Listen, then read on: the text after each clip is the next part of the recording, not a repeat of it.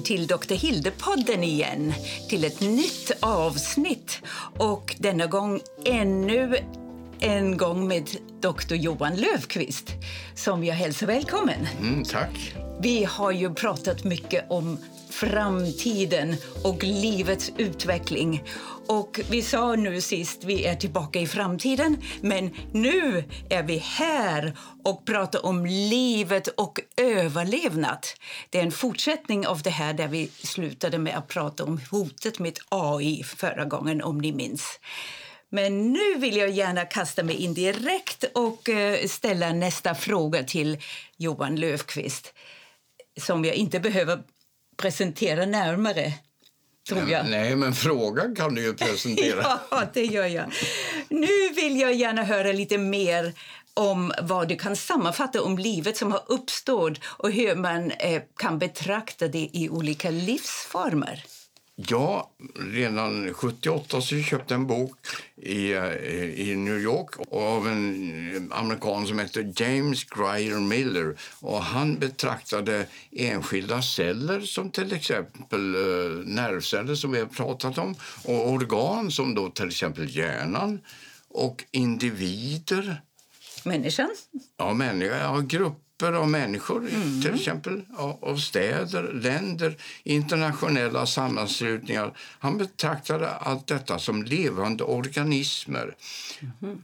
Och de, de, han hittade faktiskt 19 liknande strukturer och eh, system i varje organism. En cell har ju en möjlighet att ta in föda, en cell har, har förmågan att eh, föröka sig och en cell utsöndrar restprodukter kan man säga. Och det här är exempel på egenskaper som finns hos alla levande system. Och då menar jag att det kan ju vara så att eh, det är biologin mot samhället egentligen. Det som är i biologin, alltså i cellen, ja. finns ju också i samhället. Ja, de egenskaper och de fenomen som finns i en enskild liten cell finns även i större samhällen. Det är ja. det han vill säga. Ja. Och om man då betraktar eh, utvecklingen att den går från allt mindre enheter till allt större enheter mm. så är, är det ju verkligen ett bevis på det. En enskild cell kanske har en diameter på 10 uppe till minus 6 meter och globala eh, institutioner och organisationer kan ju ha en en omkrets på 10 upp till 6 meter. Alltså en skillnad på 10 upp till 12 meter i omkrets. Okej. Okay. Ja, alltså det kan ju också växa snabbt, eller hur? Ja, visst. Och ja. som jag sa förut i förra podden så kan ju människan med samma DNA utveckla nya samhällen och nya livsformer. Mm -hmm. Ja, men då är det ju väsentligt att allt fungerar bra.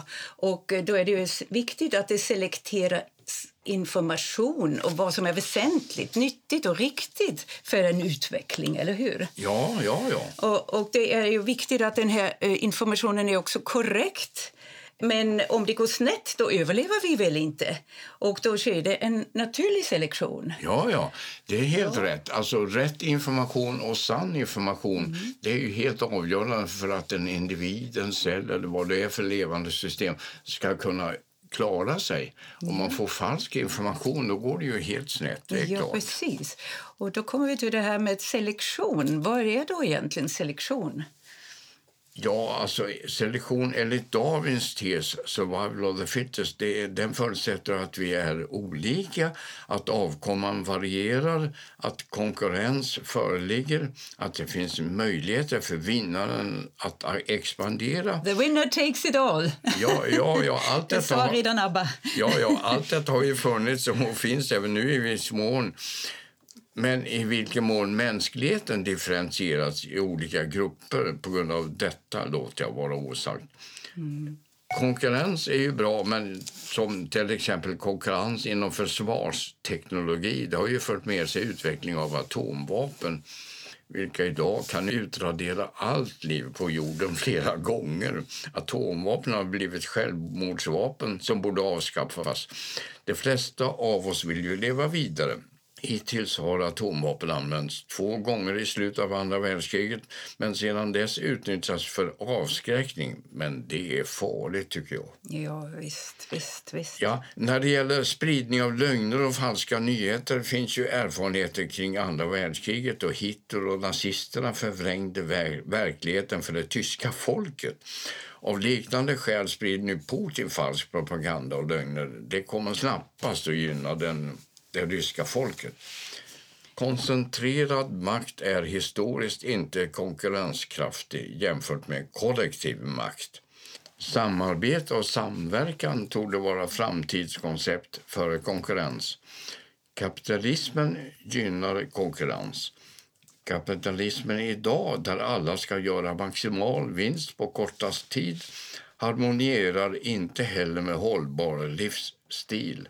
En kontrollerad kapitalism torde vara att föredraga. Ja, jag tror faktiskt att ett paradigmskifte är på väg. Ja, då har vi ju nu kommit djupt in i politiken. Du har så rätt. Jag känner ju också som du att det är lite okontrollerbart just nu och hotande.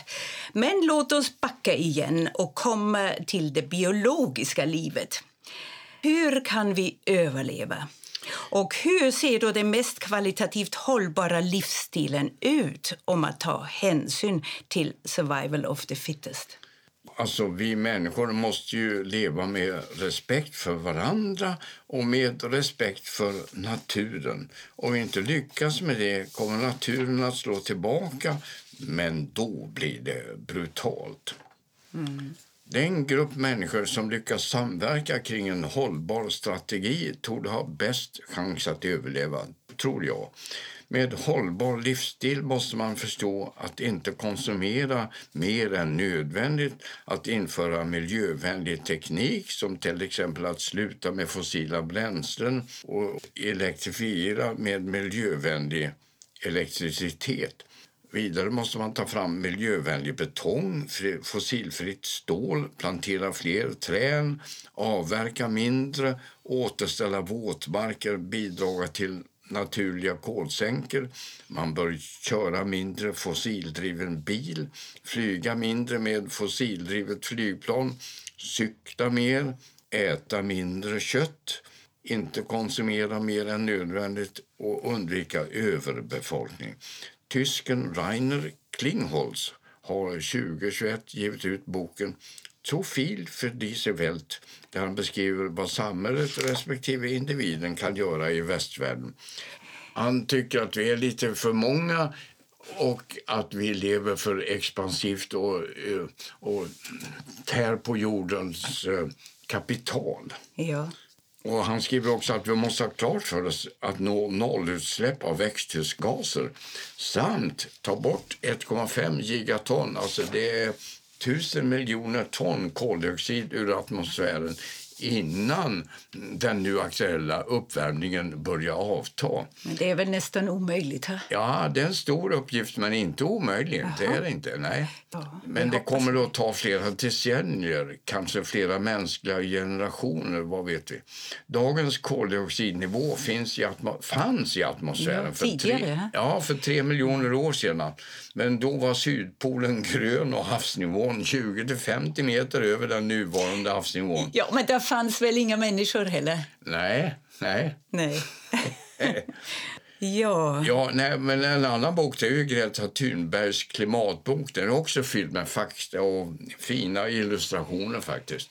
Ja, du har pratat om att liv utvecklas långsamt från början men det accelererar ju med tiden. Och Det blir snabbare tillökning och det blir större med tiden då organismer utvecklas. Alltså, det är ju lite skrämmande att det går så fort att det blir en exponentiell utveckling. Kan du förklara det här, vilka konsekvenser det kan ha och vad det är den exponentiella utvecklingen? Ja, alltså eh, exponentiell utveckling det är när ett blir två och två blir fyra och fyra blir åtta och det går alltså väldigt fort. Det, var, det finns ju en historia om eh, den som uppfann schackspelet vet du, i Jaha. Kina. Jaha. Kejsaren av Kina ville ge honom ett riskorn på första rutan, två på den andra, fyra på nästa ruta och åtta och så vidare. ja, det skulle han göra. Men det var väl inga problem tyckte kejsaren. Men det visade sig sen att så många riskorn fanns inte på hela jordklotet.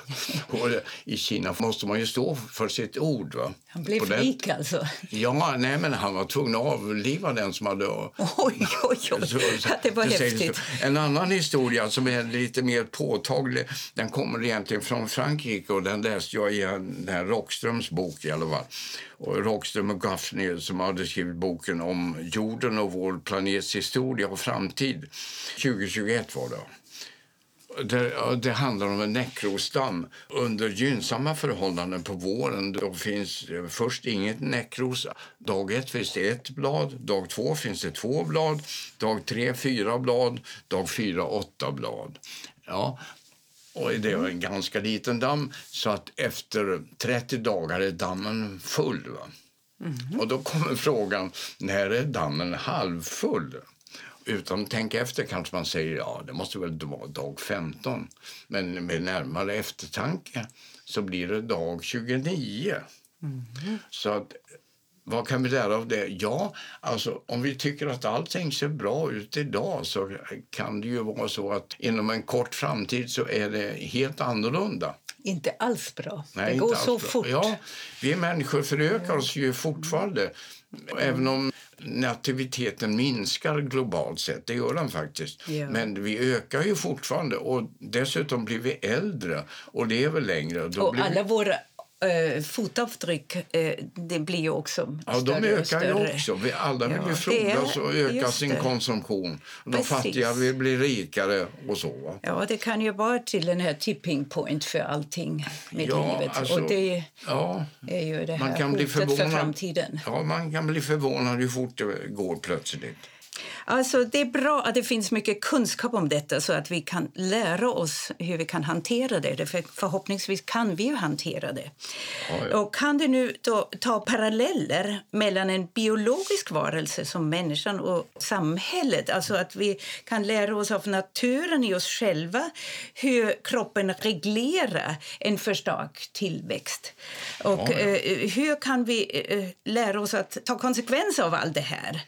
Kan du utveckla det här lite? Ja, ja, så mänskliga hjärnan är ju väldigt sofistikerad så det är klart vi kan, vi, måste, vi kan räkna ut hur man ska göra för att överleva. Ja, vi hoppas det. Tillväxten historiskt har ju alltid begränsats av tillgången på växtmaterial, föda, andra arter som konkurrerar om resurserna. Men människan har ju bara andra människor som fiende. Men nu är vi ju så många på jordklotet att vi tär på dess kapital. Vi förändrar koldioxidhalten i atmosfären fortare än naturen kan kompensera. Vi fiskar mer än hav och sjöar kan kompensera. Vi utvinner fossila bränslen som har lagrats i miljoner år. Det är ju solenergi egentligen och vi plockar ut malmer ur jordskorpan i en takt som stör övrigt liv. Vi hugger ner träd och eldar upp skogar, dikar ur våtmarker, planterar det som kortsiktigt gynnar oss. Alltså vi sprider avfall och gifter. Om vi inte lever med mer respekt för naturen och minskar i antal kommer naturen själv att göra det för oss. Men då blir det brutalt som David Attenborough säger. Ja, naturen slår väl alltid tillbaka. Ja, ja, det gör den. Ja. Enkla gästceller tillväxer alltid till dess näringen är slut eller att det dör av sina egna restprodukter, till exempel alkohol. Jag vill ju tro att människan med sitt sofistikerade nervsystem klarar av att anpassa sig till ett hållbart levnadssätt som kan accepteras av majoriteten. Ja, efter allt det här som är så eh, skrämmande eh, skulle man ju nästan ge upp hoppet. Och vi har faktiskt båda läst en mycket speciell bok skriven av en amerikansk kvinna som har fått vandra med aborigines in Australien, alltså urinvånarna i Australien och lärt sig av deras livsfilosofi. Och den här boken den heter Budskap från andra sidan och författaren heter Marlon Morgan. De här urinvånarna förmedlade budskapet att framtidshoppet är förlorat. Och de bestämde sig för att inte få egna barn. De dör ut till slut. Och det vill jag ju verkligen hoppas att det inte händer för oss människor i övrigt, alltså allmänt. Vad säger du om det? Våra barn är ju förutsättningen för fortsatt liv. Det är ju för deras skull vi måste agera nu. Fattigdom, svält, korruption och krig borde inte finnas. Det är viktigt med preventivmedel och frivilligt begränsat barnafödande samt miljövänlig livsstil. I Kina minskar befolkningen just nu mer än man tidigare kunnat tro trots att deras ledare Xi uppmanar till stora familjer. I Europa minskar också ursprungsbefolkningen. Även i Stockholm med alla mm. sina invandrare minskar just nu kraftigt sin nativitet. Det kan vara ökad miljömedvetenhet, oro över kriget i Ukraina, ökade levnadsomkostnader på grund av inflation, artiklar om slopandet av flerbarnstillägget och dålig spermiekvalitet på grund av gifter som ligger bakom. Ja, vi utrotar oss själva här. Ja. ja. Nej, alltså vi hoppas vi kan ja, alltså, åtgärda allt detta. Det är en tillväxt mm. fortfarande, ja. men den är mm. lite mindre. Ja. När befolkningen blir friskare och äldre minskar också födelsetalet. Och en äldre befolkning i en demokrati är mindre aggressiv och risktagande. Mm. Så det här är ju bra att kineserna blir och klokare. De är ju kloka från början tycker jag i och för sig. Alltså, visst mm. finns det många hot, men vi känner potential till förändring och våra barn utgör vårt framtidshopp. Den lyckliga framtidsfamiljen är ingen utopi, utan vårt framtidshopp. Ja, ja, verkligen. Vi får aldrig ge upp hoppet. Tillbaka till vårt eget försvar i kroppen. Kan vi prata lite mer om vad kan vi själva göra för överlevnaden? Ja, visst. Vi kan titta på hur naturen har löst såna här problem. För Det, det uppstår ju i enskilda celler och i mer komplicerade kroppar också. Människans kropp är väldigt sofistikerad. Alltså Som enskilda individer kanske de flesta upplever vår kropp som ett organ som hjälper oss vid förflyttning att utföra uppgifter som kräver rörelse, kraft och tankarbete. Vi är inte alltid medvetna om vad vårt immunsystem arbetar med. Immunsystemet åskådliggör olika inkräktare som virus, bakterier, småpartiklar, gifter, cancerceller. Ja, det utvecklas faktiskt cancer flera gånger dagligen i våra kroppar. Ett friskt immunförsvar har tillräckligt med så kallade T-mördarceller, alltså det är tumör och cancermördande celler för att klara uppgiften. Mm. När individen blir äldre, om individen utsätts för olika gifter, till exempel rökning, då uppstår cancer oftare. Dels på grund av att immunförsvaret inte hänger med, dels på grund av att allt fler cancertillväxter bildas och cancern får mer tid på sig. Och då kan den hinna utveckla förmåga att lura T-mördarcellerna att uppfatta cancercellerna som kroppsegna. Ja, cancerceller kan då växa ostört vidare. Kunskapen om hur man kan förebygga olika cancerformer finns. Det bör spridas mer bland allmänheten. Ja, men vi har ju verkligen i den här podden också pratat väldigt mycket om hälsa och vad man kan göra för att förbättra hälsa. Vad har vi då för åtgärder? Ja, alltså självklart ska man sluta röka, undvika gifter om man känner till var gifterna finns, stressa mindre. Det är enkla regler, men det ja. finns mycket mer. Ja, det eh, finns mycket, ja. Mm. Men vad skulle vilja säga det är att immunförsvarets principer som jag nämnt här, de gäller också i vårt samhälle. Vi har ju poliser som tar hand om uppenbart kriminella. Vi har en fri press som kan avslöja falskhet. Vi har utbildade medborgare som kan slå larm. Vi har militärt och civilt försvar. Falska nyheter, propaganda, konspirations konspirationsteorier, populism och tveksamma förenklingar hör till det vi måste värja oss emot. Men det här är ju så intressant, Johan, därför det har ju dina living systems. Att det som sker i vår kropp, i våra celler, det finns ju i samhället också. Ja. Verkligen. Ja, Där ja. finns så mycket paralleller. Verkligen. Mm. Så människan har ju gjort snabba slutsatser ibland. Många gånger har det ju faktiskt varit så att eh, människan inte har förstått sammanhangen. Det är ju historiskt sett. Men fortfarande. ja. Men kan du ge några exempel ur medicinhistorien? Ja, alltså forskning och utveckling är ju någonting som måste verkligen anstränga oss för. Ta till exempel åderlåtning som introducerades av de gamla grekerna. Alltså, de observerade att kvinnor som menstruerade var ungdomligare och tedde sig friskare än de som inte menstruerade.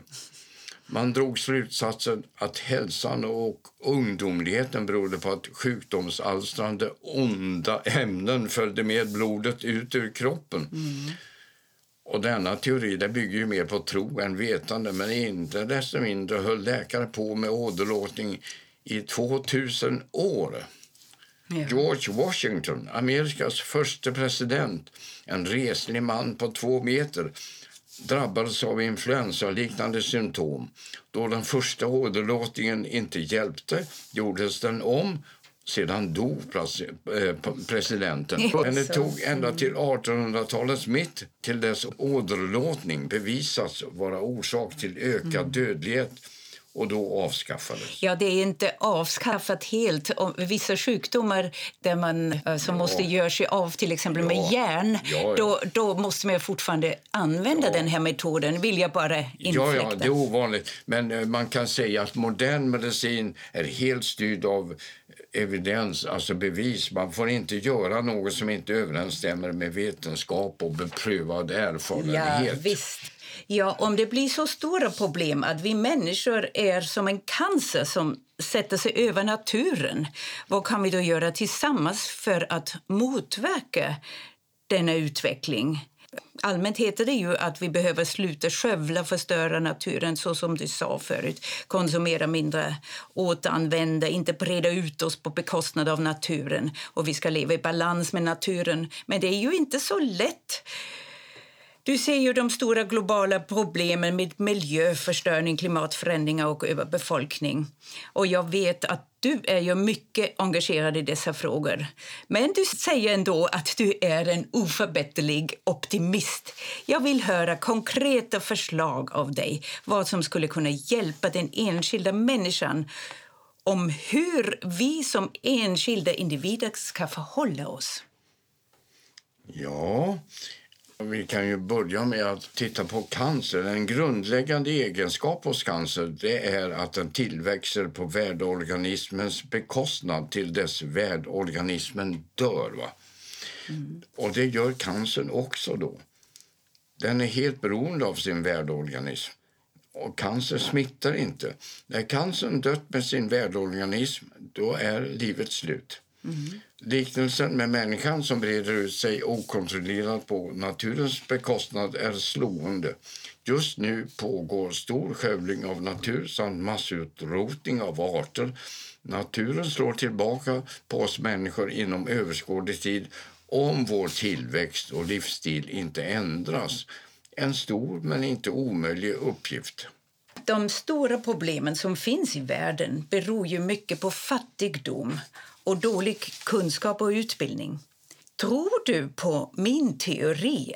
Det är inte bara min teori, men den teori som framförs många gånger att utbildning av fattiga kvinnor kan hjälpa världen att få befolkningsexplosionen att hejda sig. Ja, utbildning på alla nivåer är ett måste. Inte bara fattiga kvinnor. Ledare i västvärlden, företagsledare, mediefolk, politiker och andra behöver också utbildning. I fattiga länder ger utbildning och tillgång till preventivmedel snabbast resultat. I den industrialiserade världen gäller utbildning kring miljövänlig livsstil, utveckling av miljövänlig teknik, utveckling av kolsänkor i natur och inom jordbruk, begränsning av okontrollerad invandring. I Sverige lever vi med stort klimatavtryck. Om alla på jorden levde som vi gör nu skulle vi behöva fyra moder jord. Jaha, Där... det går ju inte. Nej. Vi kan inte flytta till månen än. Nej, nej. Mm. vi måste förhålla oss till det som finns här. Och därför är det oklokt med obegränsad invandring från områden med mindre individuellt klimatavtryck jämfört med det i Sverige. Ja, vanorna ändras ju beroende på var vi bor. Här i den industrialiserade världen har vi ju som bekant ett stort fotavtryck. Ja, då vi nu tär på jordens kapital redan, då måste vi begränsa vår tillväxt och, och ändra våra konsumtionsvanor. Ja, vi lever ju inte som i paradiset, så som i Bibeln, tyvärr. Det finns inga obegränsade möjligheter längre. Vi måste vakna upp. Ja. Nu har vi faktiskt kommit till slutet av den här podden. Och jag vill jättegärna, Johan, att du bara ge oss några tips eller en kort sammanfattning vad ditt budskap är för att vi skulle kunna överleva? Ja, alltså det är att betrakta naturen lite mer noggrant. Där finns mekanismer som visar hur livet eh, kan överleva och vilka funktioner som man måste ha för att klara livet. Och I våra mänskliga kroppar finns ju försvar och massor med funktioner som vi kan ta efter i samhället också. Så vi ska följa naturen och ja. titta på vår egen natur? Ja, ja. Det är den här vördnaden egentligen. Ja, ja. Mm. Vi, vi måste respektera varandra och naturen. Ja, alltså tillbaka till naturen. Och förnuftet ska segra. Ja, ja det är självklart. Ja, ja. ja, det är inte alltid självklart. Nej, nej. Men vi hoppas det. Eller hur? Ja, ja nej, forskning och framsteg det är det som är livet egentligen. Tack, Johan. Det var fantastiskt roligt att uh, utveckla det här väldigt svåra temat med mm. dig. Mm. Hoppas att ni som har lyssnat på oss också tycker det. Så tack för att ni lyssnade och välkommen åter.